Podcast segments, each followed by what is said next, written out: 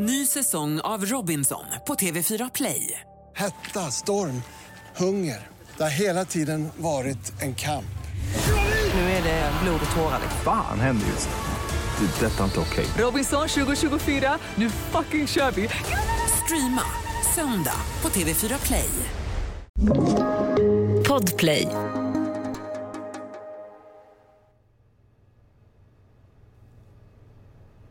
Den stora B-hallen på Bokmässan i Göteborg är spöklikt tom.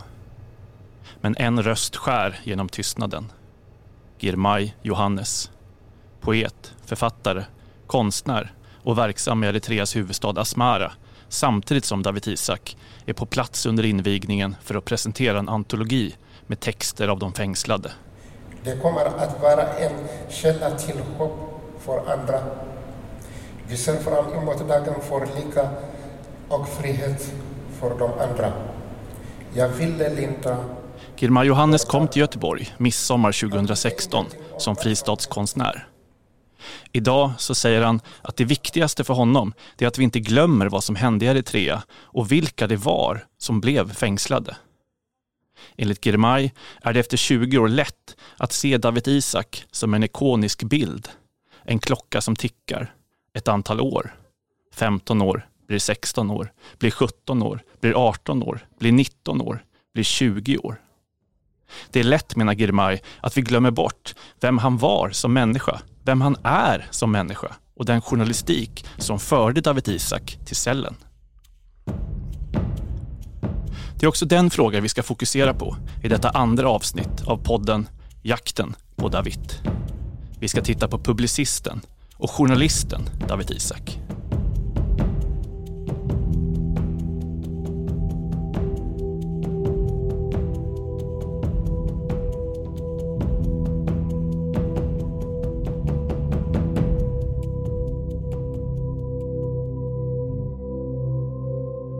Efter att Girmay Johannes talat bestämmer vi oss för att ses och prata vidare i lugn och ro. Medan jag väntar på att intervjua Girmay Johannes så tänker jag på en bild. Det är en bild som Esaias Isak, Davids bror, visade mig en blåsig höstdag i Göteborg. Han hade tagit med sig den från Eritrea under sitt sista besök i landet 1998. Den är svartvit och föreställer familjen Isak. På bilden står Davids pappa och mamma samt alla barnen samlade. Esaias berättade för mig att familjen varje år anlitade en porträttfotograf. Så också i augusti 1978. David, född 64, var då 14 år. Davids pappa hade satt på sig en nytvättad linnekostym och ställde sig bakom barnen med en vällagrad ost i högerhanden. Davids mamma, i spräcklig sommarklänning, med ett arbetsförkläde knutet om livet. Det var bättre ljus ute på gatan, men familjen Isak valde i år, precis som tidigare år, att gå in på ostlagret när familjebilden skulle tas. För familjen var stolt över att mitt under brinnande krig kunna producera ett stort ostsortiment till befolkningen i det ockuperade Asmara. Tack vare inkomsterna från osten hade familjen Isak också råd med en hushållerska och privatskola till barnen och Davids mamma hade alltid kunnat vara hemma med de barn som ännu inte börjat skolan. Familjen Isak hade också en av Asmaras få radioapparater. Det tog fem minuter att värma upp den, men sen var ljudet kristallklart. De förbjudna radiosändningarna från den eritreanska EPLF-gerillan togs in via kortvåg. Radion stod i ett skåp längst in i huset och när det var dags att lyssna så satte sig David gärna närmast apparaten, berättade hans bror Esaias. David visste mycket väl varför radion stod gömd. Om någon knackade på under nyhetstimmen så smällde hans mamma hårt i plåtporten och nästan ropade ”Nej men hej!” så att David skulle hinna stänga av radion. När nyhetssändningen var slut spelades alltid en kampsång. Och David memorerade grillans sändningar så gott han kunde och nästa dag så berättade han allt han kom ihåg för klasskamraterna på rasten. Hans kompisar tyckte ofta han var lite för allvarlig eller lillgammal som de har berättat för mig med sitt ständiga nyhetsrefererande. Men David, han brydde sig inte så mycket om det. De hade rätt att veta vad som hände i landet. När jag hörde Davids klasskamrater berätta den här anekdoten så tänker jag att det säger någonting om vem David Isak var. En lillgammal person som ville informera omvärlden. Efter skolan så berättade en annan klasskompis att David sällan gick och spelade fotboll med de andra kompisarna utan satte fart mot bingohallen där han satt med pensionärerna som berättade om kriget, litteraturen, poesin och politiken.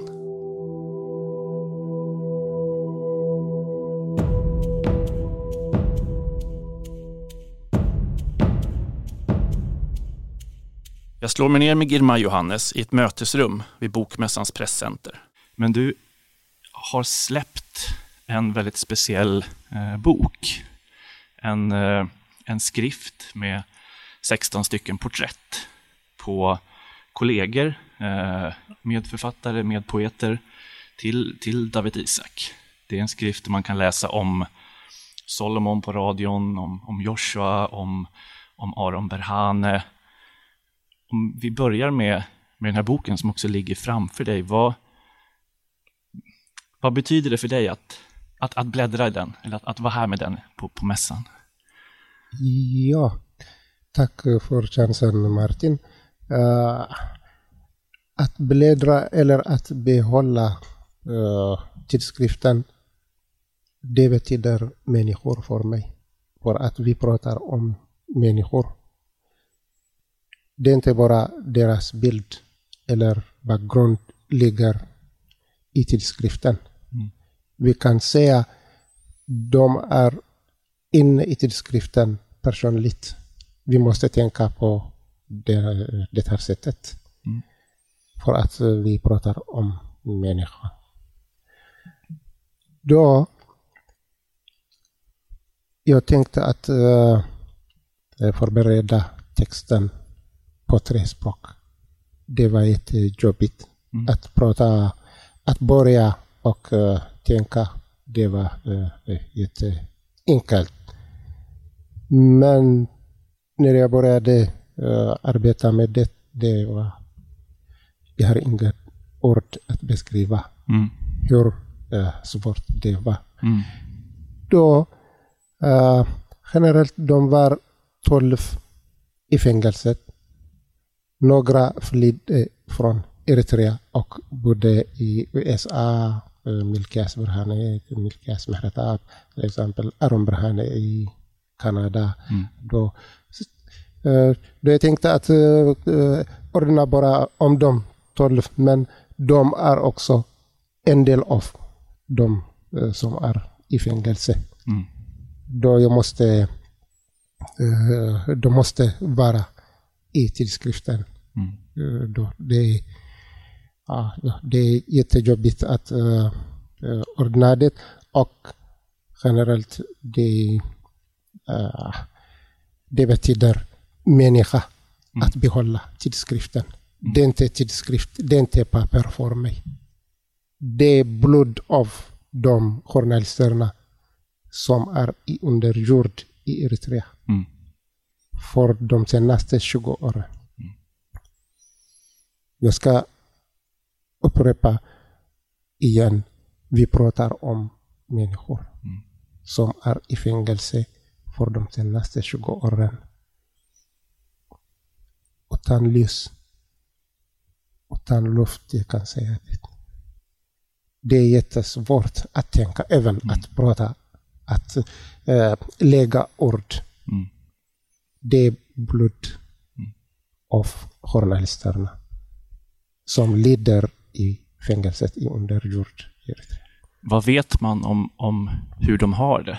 Vad vet man om förhållandena i Eira-fängelset eller Karcelli eller där, där det har pratats om att, att de finns? Vad, vad, vad har du fått höra under de här åren om, om vilka omständigheter som de här journalistkollegorna hålls? Ja, äh, äh, Karcelli ligger i centrala Smarado. Mm. Men fängelset som äh, har varit nu är Ila Eiro. Den ligger äh, nästan 70 kilometer utom Asmara. Mm. Utan Asmara. Det finns ingen uh, information om dem. Bara uh, ryktet. Mm. Men det är uppfattat hur de är där. Det får till någonting uh, plusgrad. Två kilometer brett, två kilometer långt uh, hus. Mm. Utan fred. De lider jättemycket. Då, jag, jag, jag vet hur det ser ut. Jag vet och känner vad fängelse betyder i Eritrea. Man, eh, eh, då i, i, i det eh, mesta, man uh, fängelser blir fånga för att han ska lära sig. Men i Eritrea, man, de fängelser Eh, arresterar en person för att de skadar honom. Det är ett exempel. Om de har fel, de skulle eh, eh, äh, lära dem. De skulle hämta dem till jurist, till exempel. Men de vill bara skada dem och att de blir försvunna från livet. Även de sprider uh, meddelande för att världen ska glömma dem. Mm. Ja. När du tänker på David som människa, vad, vad tänker du då? Hur, hur var han att, David, att umgås med? David uh, är en tyst person. Han pratar inte så mycket. Han hade uh, speciellt två ord på uh, italienska. När man träffar Hej, come andiamo? Mm. Allora, han säger, då han upprepar det alltid. När jag uh, tittar på honom, uh, jag minner uh, de två ord. Mm. Då, om jag träffar honom, uh, han ska säga, uh, allora come andiamo? Sen han säger den, uh, de två ord, hej, allora, come andiamo? Ja, men han är inte pratsam. Nej. Han är uh, nästan uh, tyst person. Mm. Och uh, fantastisk, jätteartig person. Mm. Ja. David var, han var ju främst dramatiker och, och, och skrev skönlitteratur. Ja. Och, inte, och inte så mycket ja. journalistik från början, utan fick lära sig mm. journalistiken på, på, på Setit. På Setit. Ja, ja. Uh, efter, jag tänker efter kriget, eh, när G15-gruppen försöker ja. först liksom få presidenten att, att hålla valen, att hålla de här löftena, att demokratisera landet nu när, när, när kriget var över. Eh, så försöker man ju länge, vad ska man säga, bakom stängda dörrar att göra det. Men ja. till slut så publicerar man uppropet. Ja. Eh, vad, vad, vad minns du från den tiden i Eritrea? Hur var, hur var stämningarna då? Ja, det, uh, det var lite konstigt för att jag var jättemisstänksam om regeringen. De är soldater. Mm. Soldat i Afrika betyder det makten är i armen. Mm. Inte i stjärnan då. Mm. då hur, kan, uh, hur ska de komma överens med de här stora punkterna. De känner varandra. Mm. De ledamöterna med presidenten och så vidare. Mm. De varit som gerilla uh, för uh, nästan 20-30 år. Mm. Då de gör, de gjorde många saker tillsammans. Då, uh, hur ska de lösa de stora frågor?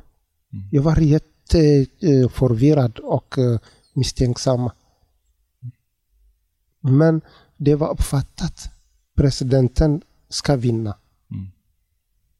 För att människorna eh, vet ingenting vad det betyder. Även vad fred betyder. För att Eritrea var uh, under press, under koloni för eh, 300-400 eh, år. Då hur kan de eh, eh, eh, säga människor ska bestämma? De skulle bestämma varandra. Då eh, vi var jätteförvirrade hur att låtsas. Men vi var eh, eh, eh, nästan säkert att presidenten ska vinna. Ny säsong av Robinson på TV4 Play.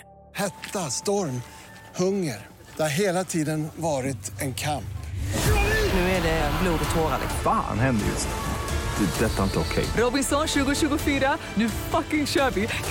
Streama söndag på TV4 Play. Ett poddtips från Podplay.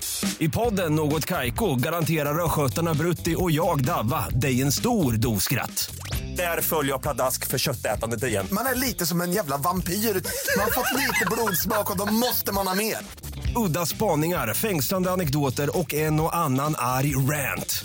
Jag måste ha mitt kaffe på morgonen för annars är jag ingen trevlig människa. Då är du ingen trevlig människa, punkt. Något Kaiko, hör du på Podplay. Därför är gardinerna.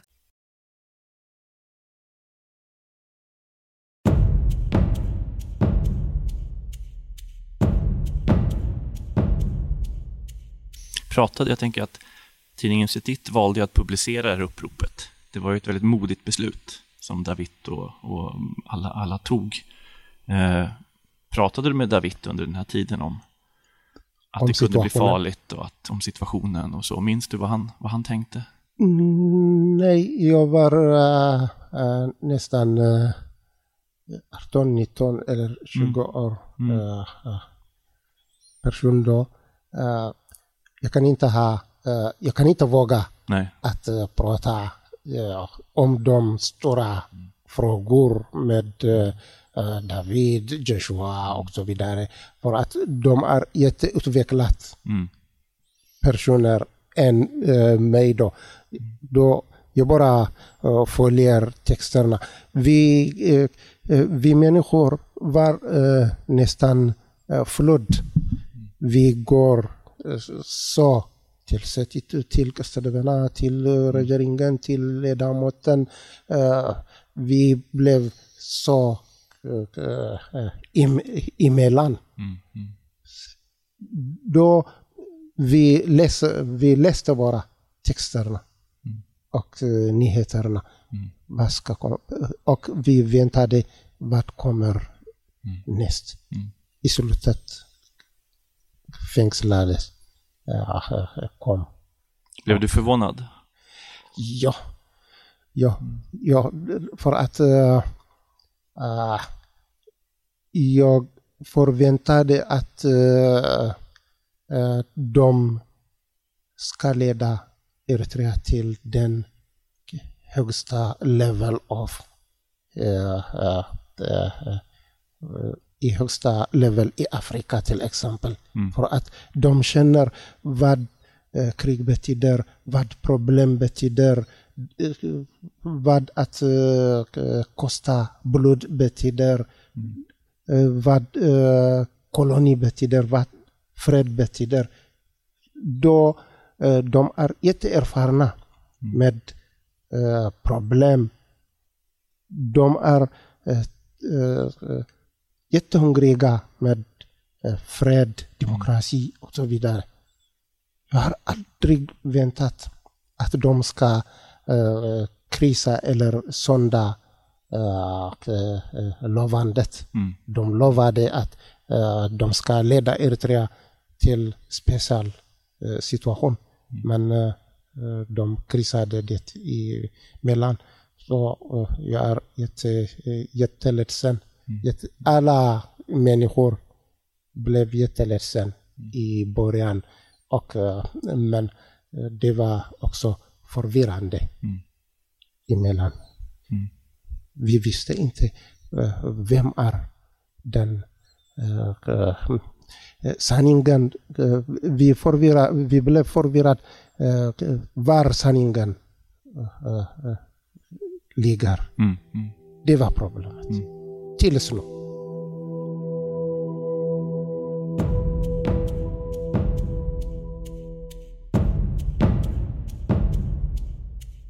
Mitt sökande efter svar på frågorna kring David Isak har fått mig att göra två resor till Eritrea. Det är absolut inte självklart att resa på journalistvisum till en diktatur som fängslar kollegor. Man kan lätt bli en bricka i ett spel och min frihet är inte allas frihet. Men att på plats ställa frågor om David och känna på stämningen, det är något annat än att läsa om landet på avstånd. Att vandra på Asmaras gator är också som att gå rakt in i ett vykort. Varje hus ser ut att bära på en historia, varje kvarter en novell. I Asmaras stadskärna har putsen släppt på många hus och fönsterluckorna hänger på trekvart. Alla trafikljus är avstängda. Men kaféernas uteserveringar är fulla med folk och det är rent och välordnat. Överallt finns någon svårfångad känsla av normalitet. Om man inte vet vad man ska titta efter här uppifrån så ser man bara hustak, paraboler, minareter och kyrktorn.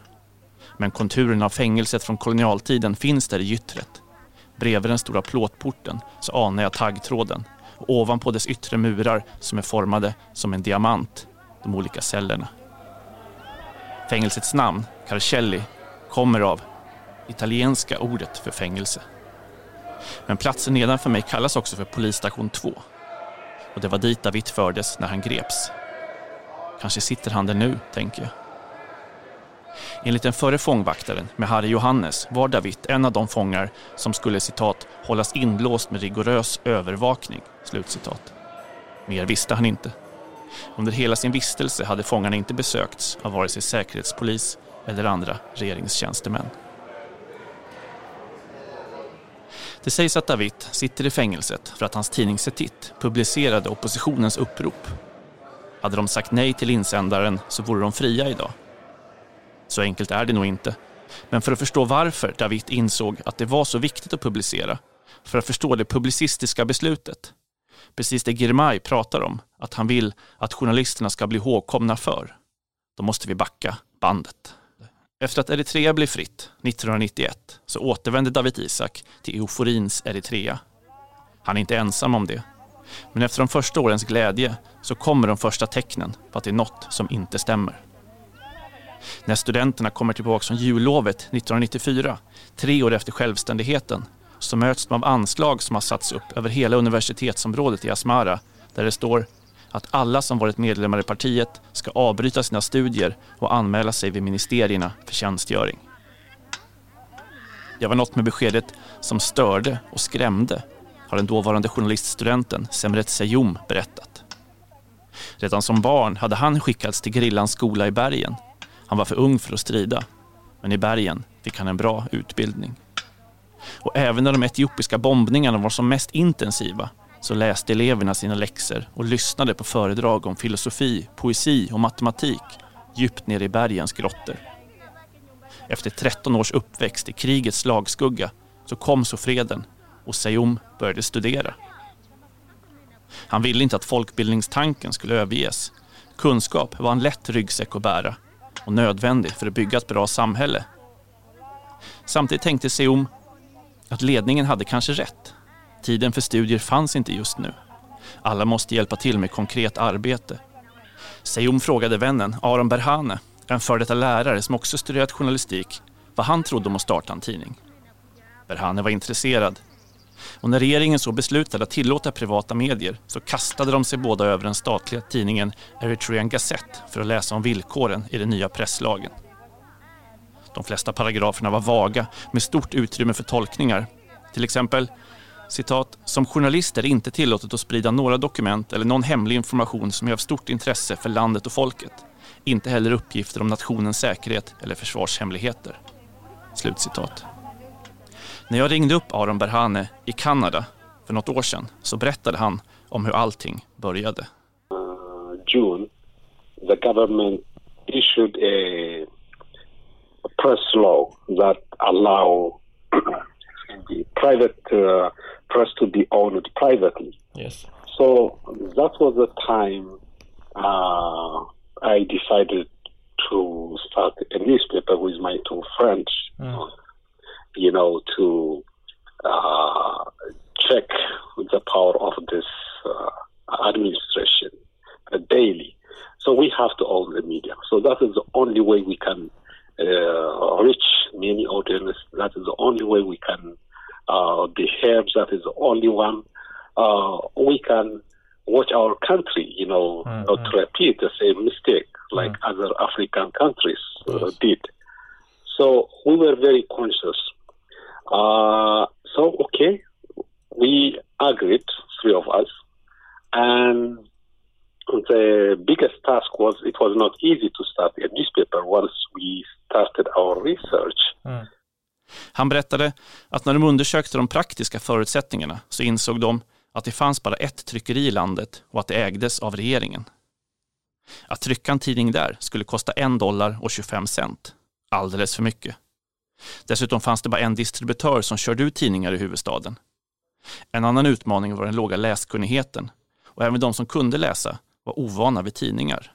Radion var ju den stora nyhetsförmedlaren. Aron Berhane berättade för mig att han gick till sin far. Dels för att få pappans välsignelse för projektet, men också för att prata ekonomi. Den äldre generationen hade sett politiska svängningar förut. Och debatten mellan far och son pågick in till småtimmarna tills argumenten tog slut. Berhane berättade att han nästan hade gett upp. Och då plötsligt sa pappan, fine, jag ska ordna en grundplåt till ditt projekt. Så Berhane, Seyoum och en tredje grundare, Haptom, ansökte hos informationsministeriet om utgivningsbevis. De bestämde sig för att tidningen skulle heta Setit efter den flod som rinner genom Eritrea och informationen skulle flöda lika fritt som vattenmassorna. Det första numret trycktes i 5 000 exemplar och kom ut 1997. Entusiastiska skolelever sprang över hela Asmara med buntar under armen och alla kom tillbaks med fickorna fulla av mynt och ville ha fler, fler tidningar. Den första upplagan sålde slut redan efter en dag. Nästa nummer sålde slut lika fort. Med framgången blev redaktörerna modigare. De började skriva artiklar där de frågade sig vad är poängen att staten bygger skolor om man inte anställer lärare? Vad är poängen med att bygga kliniker om vi inte har anställda utbildade sjuksköterskor? De krävde transparens. De kritiserade regeringens höga militäruppgifter och ville veta hur ser budgeten ut för utbildning, för sjukvård?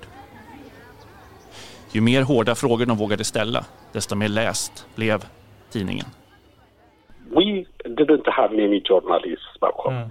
And even myself, I was a student of journalism, but I, I was not uh, really a journalist at that time. Uh, my friend was studying law. And so many people, even if you try to invite uh, people uh, who would uh, want them to work for you, so still they may not have that journalistic skill. But the reason we decided to choose uh, Dawit and Joshua is because I used to listen one of uh, Dawit's uh, um, story, which used to be read on the national radio. Uh, the title is, I believe, 30,000. Efter 30 års krig så kryllade det inte av kompetenta skribenter i landet. Men så en dag så fick han höra på radion hur en novell lästes upp av en ung författare. Det var David Isaks novell 30 000. Och sättet som han berättade på tänkte Berhane att det här, här har vi en person som kan skriva. Kunde man berätta en historia, så resonerade Berhane, då kan man också bli en bra reporter. David Isak fick frågan, började på tidningen och blev snart även delägare.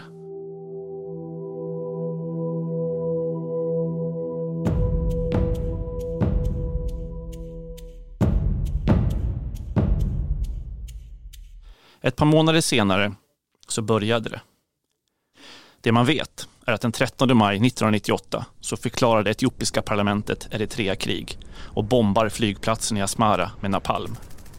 Eritrea svarar med att flygbomba den närmaste större staden i Etiopien, Mekele. Bomberna slår ut militära anläggningar men träffar också en skola där 12 barn dör. Ambassader evakueras. Eritrea anklagas för att vara aggressorn och landet går in i ett välkänt krigsstillestånd. När det här kriget mellan Eritrea och Etiopien var som mest intensivt så stod arméer om en halv miljon man på vardera sida gränsen. De flesta som kunde lämnade Eritrea Men trots att David Isak hade sitt eget och familjens pass i en låda och när som helst kunde ta en taxi till flygplatsen och säkerheten i Sverige så tvekade han. Setit fortsatte att komma ut under kriget och han ville inte svika när behovet av information var som störst. Först våren 2000, när etiopierna bröt igenom de eritreanska försvarslinjerna och avancerade in i landet, så lämnade familjen Isak tillfälligt Eritrea. I juni var en fjärdedel av landet invaderat och över en halv miljon människor hade drivits på flykt. Då slöts äntligen en vapenvila. Etiopien drog sig tillbaka till de gränser som gällt före kriget men behöll staden Badme. Efter två års strider så uppgick de döda till över 100 000 människor. In i Eritrea så utropade sig regeringen till segrare. Man hänvisade till att landets gränser var intakta och att man överlevt ännu ett krig. Efterkrigsdebatten som bröt ut i Eritrea var inte nådig. I Sverige kan vi ha eftervalsdebatter, men efterkrigsdebatter, det är något helt annat. Allt ifrågasattes. Varför blev det krig? Kunde kriget ha undvikits? Och när kriget väl bröt ut, varför gjorde inte Eritrea allt man kunde för att genom diplomati stoppa galenskapen innan de fruktansvärda slutstriderna? Som en pendang till debatten om kriget så uppstår en annan och än mer omfattande diskussion i Eritrea om hur landet styrdes. Den här konflikten eskalerade genom att frågorna framfördes med anklagande ton i medier och internationella forum och inte, menade försvarare av ledningen, på de lokala och interna sätt som han tidigare löst motsättningar på. Vid den här tiden kommer David tillbaks till Asmara och han kastas omedelbart in i tidningsproduktionen. Utöver de obligatoriska punkterna om upplagan och ekonomin så bestod numera vartenda redaktionsmöte av långa diskussioner om vad som skulle tryckas och inte. Inför utgivningsdagarna blev Setit utsatta för ständiga trakasserier. Ägarna kallades upp till informationsministern för att avlägga rapport om vad som var på gång och vad de tänkte publicera. Semret Seyum hade suttit fängslad i en vecka och sen släppts, berättar han för David. Chefredaktören Aron Berhane, han bestämde sig för att spela säkert. Setit skulle undvika att ta upp den utbredda kritiken mot det senaste kriget. And it becomes very tense. But you, were, you were still someone... publishing during during the war. I mean, oh yes, yes, you were. Oh yeah, yes, yeah, yes, yeah, yeah. yes. But uh, but someone, you know, some reporters they want to write uh, a story uh, which could be very dangerous, Mm, or you feel it can be interpreted differently, and they can come after us. Mm. So okay, no, no, don't go after this topic. Mm, yeah, yeah. Just let's focus on the social issue. Mm. Efter en tid så vågade Setit börja ompröva beslutet att publicera säkra saker. Tidningen började skriva om generaler som använde soldater för att renovera sina fritidshus och började skriva artiklar om att politikerna kanske inte varit så förberedda inför kriget som de borde. Det här gjorde att upplagan ökade igen, men också att journalisterna kallades till nya förhör. Ny säsong av Robinson på TV4 Play. Hetta, storm, hunger. Det har hela tiden varit en kamp. Nu är det blod och tårar. Fan händer just nu. Det. är Detta är inte okej. Robinson 2024, nu fucking kör vi! Streama söndag på TV4 Play. Ett poddtips från Podplay. I podden Något Kaiko garanterar östgötarna Brutti och jag, Davva, dig en stor dos skratt. Där följer jag pladask för köttätandet igen. Man är lite som en jävla vampyr. Man har fått lite blodsmak och då måste man ha mer. Udda spaningar, fängslande anekdoter och en och annan arg rant. Jag måste ha mitt kaffe på morgonen för annars är jag ingen trevlig människa. Då är du ingen trevlig människa, punkt. Något Kaiko, hör du på Podplay. Därför är gardinerna.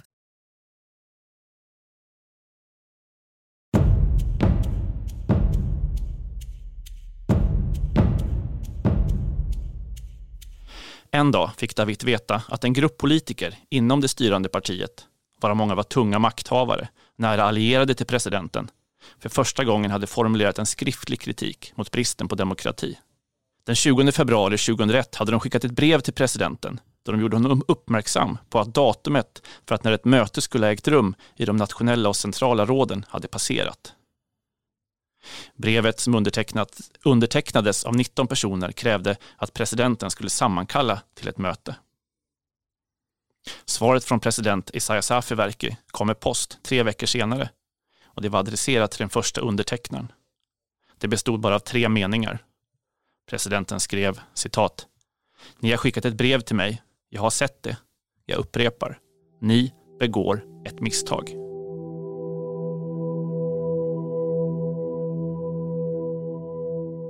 Setits redaktion satt med de här breven i handen. De försökte ge plats åt spalterna åt bägge sidors bästa argument. Aron Berhani skrev en ledare om konflikten med rubriken När elefanterna slåss blir gräset nedtrampat. Samtidigt som han publicerade sportreportage, kulturartiklar och lokala nyheter.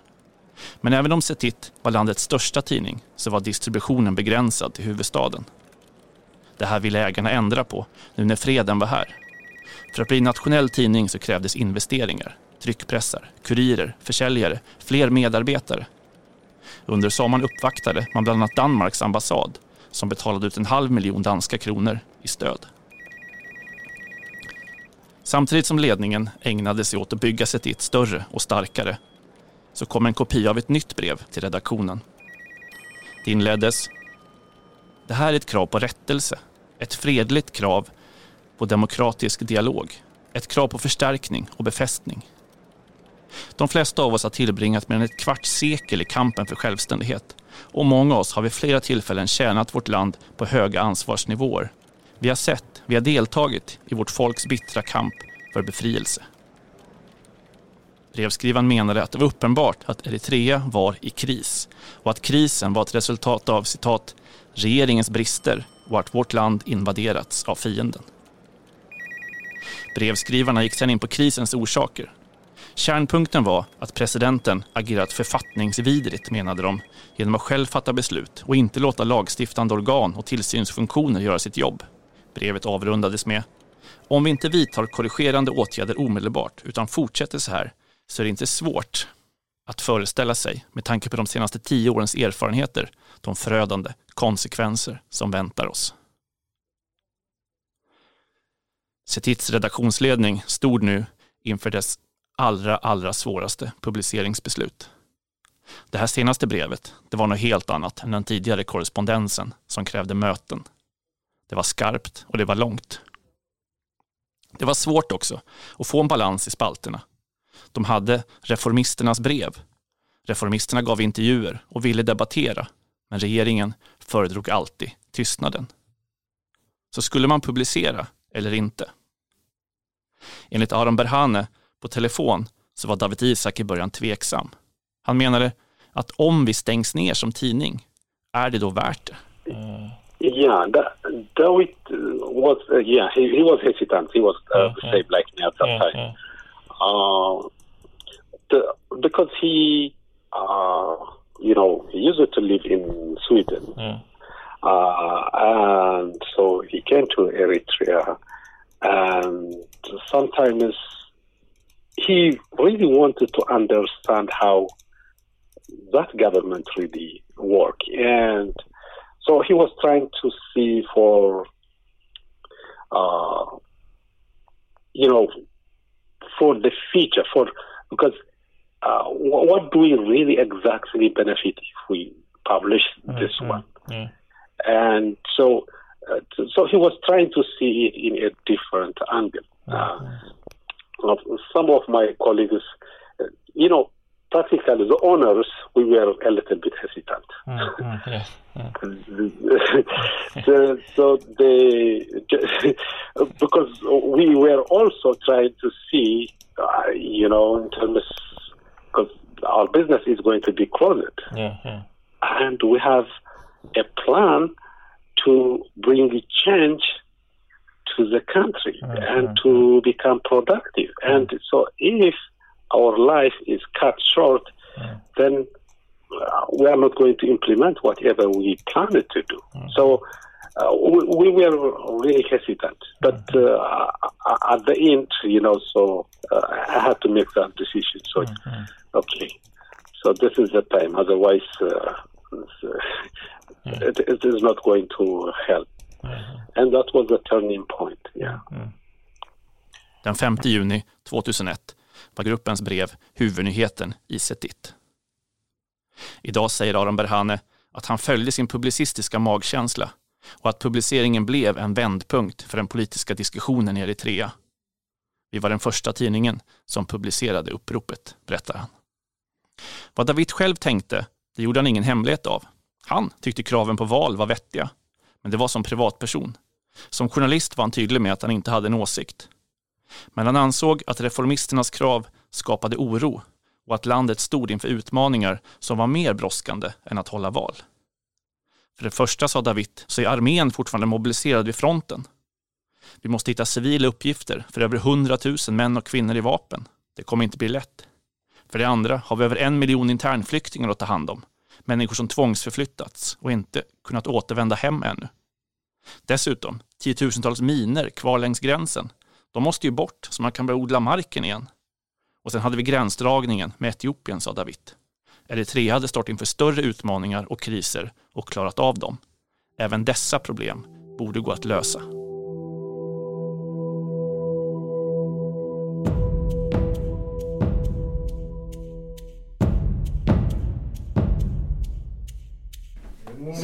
Martin. Morning, morning. Nice you? to see you again. How was your sleep? Very Yeah? good. Very good. Yeah. Yeah. yeah. Very good. Kort efter min telefonintervju med Aron Berhane så kom han till Sverige och Stockholm.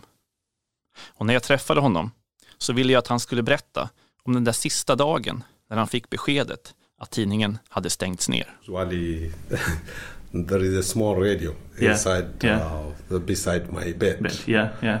Uh, so my wife turned it on that Mm, radio mm, mm. so to listen the morning news. Mm, mm. Uh, I was still in bed. Mm, mm. And I listened to the news, you know, from now on, all those independent Mm, press Uh, are, you know, going to be Mm. banned because they Mm, mm. violated the press law. Yeah. They collaborated with the enemy. Very uh, defamatory, uh, what you call statement. Mm, mm. So I thought I was dreaming. Mm, mm. And my wife paid attention. Are you listening? Mm, yeah. then, wow. So still I was under the blanket, but still I, I, uh, I thought I was dreaming because there was no warning given to us about all this accusation, which is labeled by this uh, radio, Mm, government-owned radio. Mm, mm. Läget var lite svårtolkat. I radiomeddelandet så hade Setit anklagats för att ha citat bistått Etiopien och publicerat lögner. Det tydde på att regeringen ville angripa dem på ett nytt sätt. Att de kanske skulle komma anklagas för allvarliga brott.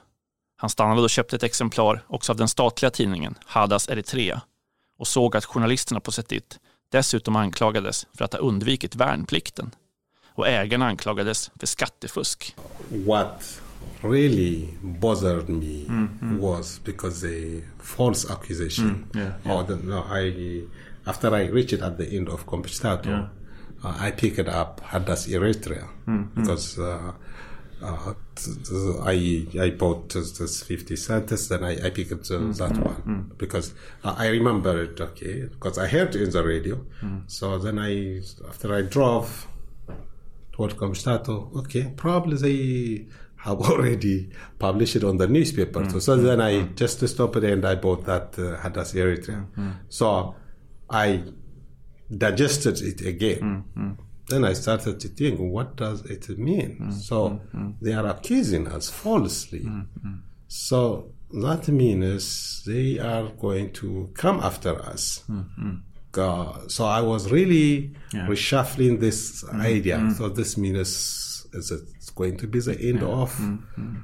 the free press in Eritrea? All the dreams that I have when I started this newspaper is that mean it's going to stop Mm, because we named our newspaper Satit in order to flow the same Like like, the river. Eritrean Mm, river yeah.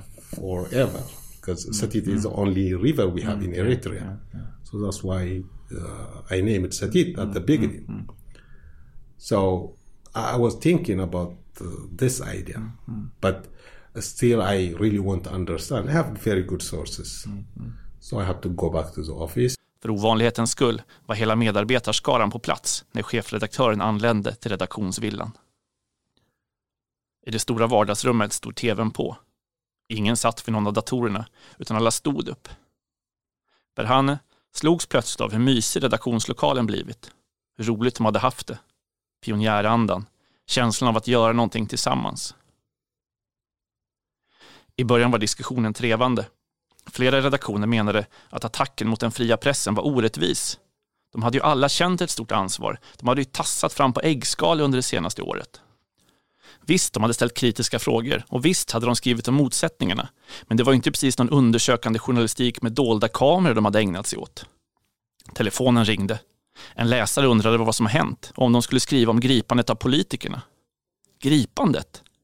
Nu fick även alla redaktionsmedlemmar klart för sig att elva politiker hade fängslats samma natt.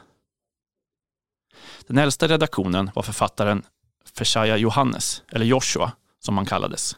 Han var redaktionens ständiga skämtare, men också en av de mest omdömesgilla och kunniga skribenterna.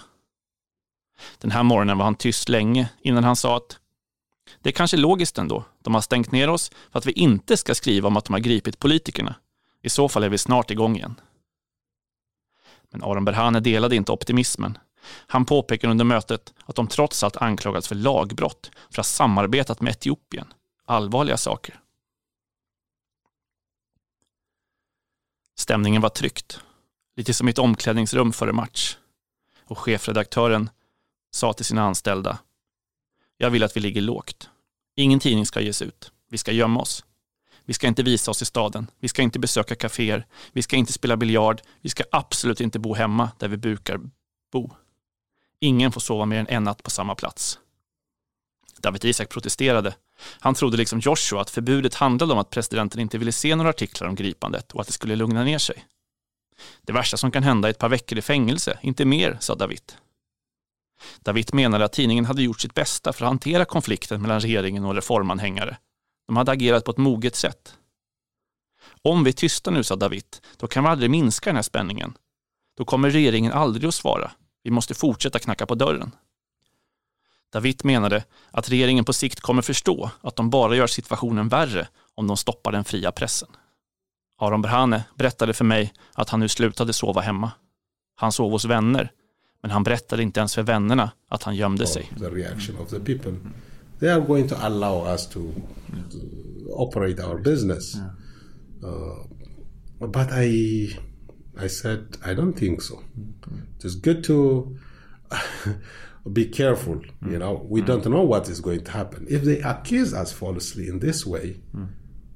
so we don't know exactly what is going to happen. But it is good to be careful uh, and watch closely uh, what is going to happen. So uh, I used to sleep at my home, but uh, I stopped at that. So I simply go to my relative's house or to my friends or even them they don't really uh, know that i'm hiding myself. so you know it has been a while.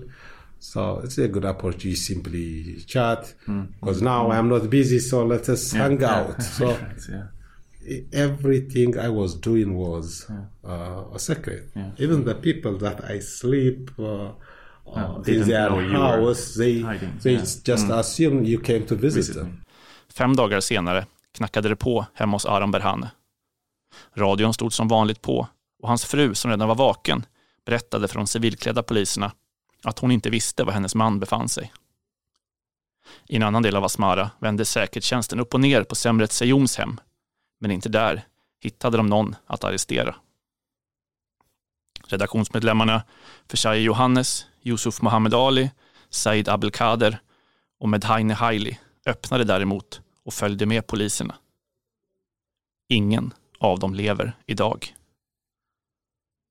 När de civilklädda poliserna knackade på hemma hos familjen Isaks villa så släpptes de in och bjöds på en brakfrukost av David Isaks hustru. Ost, kaffe, bröd, färsk frukt.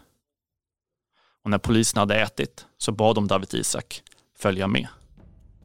Han har suttit fängslad utan rättegång sedan dess.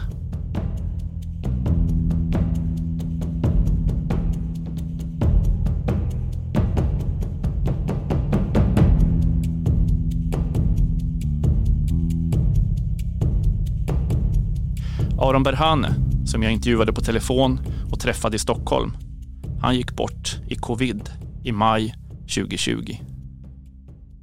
De som minns och kan berätta blir inte fler.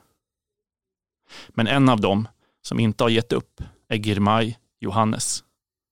Och tillbaka på Bokmässan i Göteborg så ber jag honom berätta vad han minns från det plötsliga mötet med David Isak 2005. Efter ett antal år i, i fängelse, eh, de får ingen rättegång, eh, ingen får veta vad de anklagas för. Så plötsligt 2005 så kommer ryktet att David Isak är fri. Va, vad gör du då? När jag hörde att eh, David blev fred, jag sprang direkt till Davids hem. Och jag öppnade dörren. David var i hallen. Pratade med eh, sin uh, uh, syster som lagade mat i köket. Då jag blev jätteförvirrad. Och glad. Rykten var sant. Oh, är det David? Drömmar jag kanske? Mm. För att jag, har aldrig, jag hade aldrig väntat David ska bli fred. Oh, han blev jätteglad när han såg mig. Vi kramades och kysstes varandra. Men han var äh, äh, lite förvirrad för att jag skulle äh, fråga honom om min bror mm. då. Sen,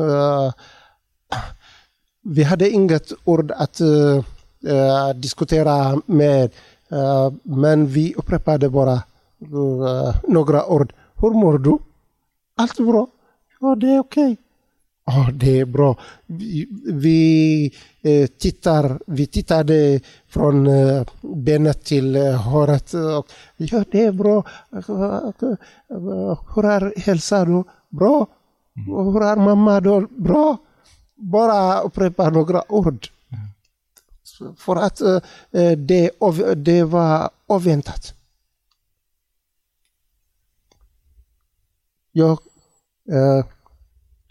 tänkte uh, några minuter, det tog mig några minuter att, uh, att lita på det var sant. Mm. Vi tittade bara många gånger ögon till ögon och vi upprepade ord.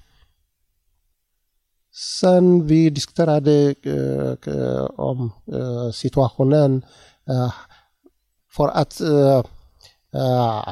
lösa situationen. För att jag ska inte fråga honom om min bror. Han började prata direkt. Mm. Jag var i Karselj-fängelset hela tiden tills nu. Mm. Då det är en speciell dörr för att jag ska inte fortsätta fråga om, om min bror. Mm. Jag förstod vad han menade. Mm. Nej, David. Jag är jätteglad att se dig. Mm. mm. Det är ett stort hopp för mig. Mm. Så om David blev fred nu, imorgon ska de andra bli fred då. Mm. Det är stort hopp. Så David, låt vi diskutera och chatta bara om dig. Mm. Hur mår du? Bra? Mm. Allting bra? Bra. Mm. Bara. Sen, uh, han... Uh, uh, i, medan vi pratade uh, mycket, han... Jag, jag frågade honom många gånger hur hälsan gick i fängelset. För att jag känner, eh, jag känner eh, vad fängelset betyder, fängelse betyder i Eritrea. Mm. Ja, det är okej, okay, men jag uh, har lite problem med nacken. Vadå? jag gjorde eh, blodtryck, högt blodtryck. Då. Okay. Och eh, hjärtattack. Det är uppfattat att uh, han ska ha de uh, här sjukdomen. Mm. För att då, han var inte i eh, honeymoon då. Mm. Han kom från fängelse. Mm. Då jag vet vad fängelse betyder, vad finns i fängelset. Jag blev inte uh, förvir förvirrad med uh, uh, vad han pratade med om uh, sjukdomen. Mm. Ja, men jag blev jätteledsen mm. när han skickades igen till uh, Kartell-fängelset. Vi hade bokat uh, tid för att uh, träffa på nästa dagen. Mm. Medan jag uh, räknade uh, timmarna för att åka till Davids hem. Jag hörde att David greps igen. Ah. Jättekonstigt. Mm. På nästa dagen, den tidigare uh, informationsministern som är känd med uh, att upprepa presidentens mm. ord. Var Ali Abdo? Ali Abdo. Mm. Han intervjuades av eh, VOA, Voice of America. Och sa han var rädd för att uh, uh, för behandling mm. av sin hälsa. Men nu han återhämtade sig bra, bra och gick tillbaka till fängelset. Det var ett tragedi, ord och uh, tala. Mm. Jag blev jätteförvirrad. Om David skickades tillbaka till fängelset, något lösning ska aldrig komma till de journalisterna, såg jag för att den uh, innan Ali Abdu var en uh, uh, annan minister, Nais Gafludo. Han är en uh, kriminell person i Eritrea. Så jag blev jättehopplös för de andra också. Mm. Efter så många år så är ju alltså, glömskan en sån stark kraft efter så många år. Och när jag lyssnade på dig tidigare idag så, så berättade du att du hoppas att de här texterna kan, kan knacka på dörren eh, till, till vår regering och, och, och, till andra, att de kan eh, liksom spela, den, eh, spela den betydelsen. Hur Känner du att det finns ett hopp efter så många år?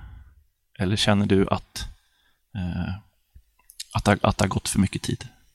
Jag hoppas.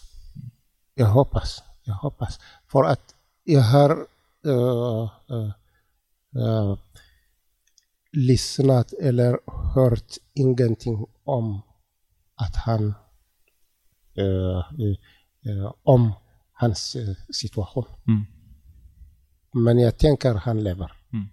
Och jag vill att han lever och kom till bokmässan till Sverige och pratar om eh, vad som hände mm, mm. när han var i fängelset från början. Mm.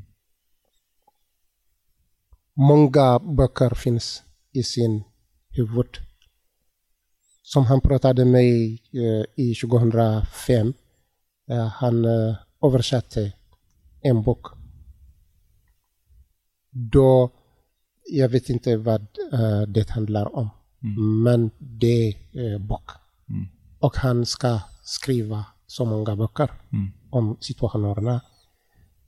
Då eh, jag önskar att han ska eh, leva, att han lever och ska komma hit mm. att beskriva sin situation. Jag intervjuade för en tid sedan en, en medfånge som satt under 2005 i Karcelli med David, eh, som hette Mohammed Alamoudi. Och han berättade att precis som du säger, att David satt och översatte från eh, tigrinja till svenska och svenska till tigrinja och förberedde böcker. Eh, och att det gjorde mig väldigt hoppfull, för då tänker jag att han, han har hittat ett sätt att klara fångenskapen. Att han tänker att där framme så ska jag publicera det här, då ska det berättas. Eh, det finns, det finns en tid att, eh, att berätta det. Men jag tänker också att när han ringde hem 2005 så sa han till sina barn att liksom, glöm inte Tigrinjan. Ja. Tigrinjan är viktig. Ja. Eh, och i den här boken så är det också det svenska, det engelska och det tigrinja. Ja. Och eh, du jobbar idag som hemspråkslärare Ja. eh, med, med, med, med tigrinja. Ja. Vad, vad betyder det att de här texterna också finns på, Eh, på tigrinja från de här fängslade kollegorna? Ja, det är uh, så många eritreaner också finns som vet ingenting om de uh, eh, fångarna. Det är en av de största problemen. Så det skrevs inte bara för de svenska läsarna, engelska läsarna, också för de tigrinja läsarna. De eh, följer upp mm, eh, eh, medierna då, Facebook eh, och så vidare. Eh, om något, någon text finns i Facebook, de kan läsa. Mm. Annars, de vet ingenting om de andra. Då jag försökte balansera texterna med eh, deras bakgrund och eh, deras eh, bild, eh, tidningarna. Då, eh, de som vet ingenting om de eh, eh, alla fångarna, eh, jag hoppas de ska veta också vad som hände eller vad som hänt Mm. tidigare i Eritrea. Så det inte bara för de andra. Och speciellt för de eh, ungdomarna. Ja. Mm. Ja, och nej, men den, är, den är fantastisk på så sätt att du skriver, du skriver fram dem som människor, precis som du började med att säga. Jag, jag, jag lärde mig mycket av att läsa, läsa om alla och verkligen känna att det här, det här var en gyllene generation som fängslades. Mm. Det var verkligen eh, Eritreas bästa skribenter som, eh, som, som förvägras att, att skriva. Eh, är det någonting mer som, som du skulle vilja berätta om, eh, om David eller den tiden som, som jag inte har, har, har frågat? Om honom som människa som, som kanske försvinner när han blir mycket en symbol bara. Ja, symbol bara, ja. Ja, det är... ah, vi pratar om människor. Mm. Då, ah, till exempel 2005, när David blev fred för två dagar. Jag tänkte att eh, han blev fred under press av Sverige regering. Mm. Men det var inte så. Tills nu, ni alla journalister, regeringen, människorna pratar alltid om David. Men det är inte tillräckligt. Ni pratade eh, de senaste 20 år om David. Men i slutet, vad är resultatet? Sverige är en av de ledande länder, eh, länder i världen. Men är det så att eh, göra till eh, din medborgare? Är det bara så? Är det bara att minna honom? Att prata om honom? Så det är bra om eh, ni eh, diskuterar mycket hur lösningen kommer. Ni måste knacka varandra. Ni måste knacka dörrarna som eh, tillhör att göra någonting om eh, de fångarna speciellt. Eh, men i slutet, jag hoppas att David eh, lever och blir fred från fängelset och komma hit och delta på bokmässan en dag. Vem vet imorgon. Om ni jobbar hårt. Ni behöver jobba jättehårt. Ni behöver knacka regeringens dörrar hårt. Du har lyssnat på det andra avsnittet av podden Jakten på David. Publicerad av Expressen av mig, Martin Schibbye, Blankspot. Det första avsnittet handlade om livstecknen, vad som har kommit ut från fängelset och Eritrea under de här 20 åren. Och i nästa avsnitt, det tredje, kommer vi titta lite mer på vad det är för människor som håller i nycklarna till David Isaks cell. Hur de tänker och varför de har bestämt sig för att hålla honom instängd så länge. Tack för att just du lyssnar. Och tack för att du inte har glömt dessa kollegor som i morse vaknade i fångenskap.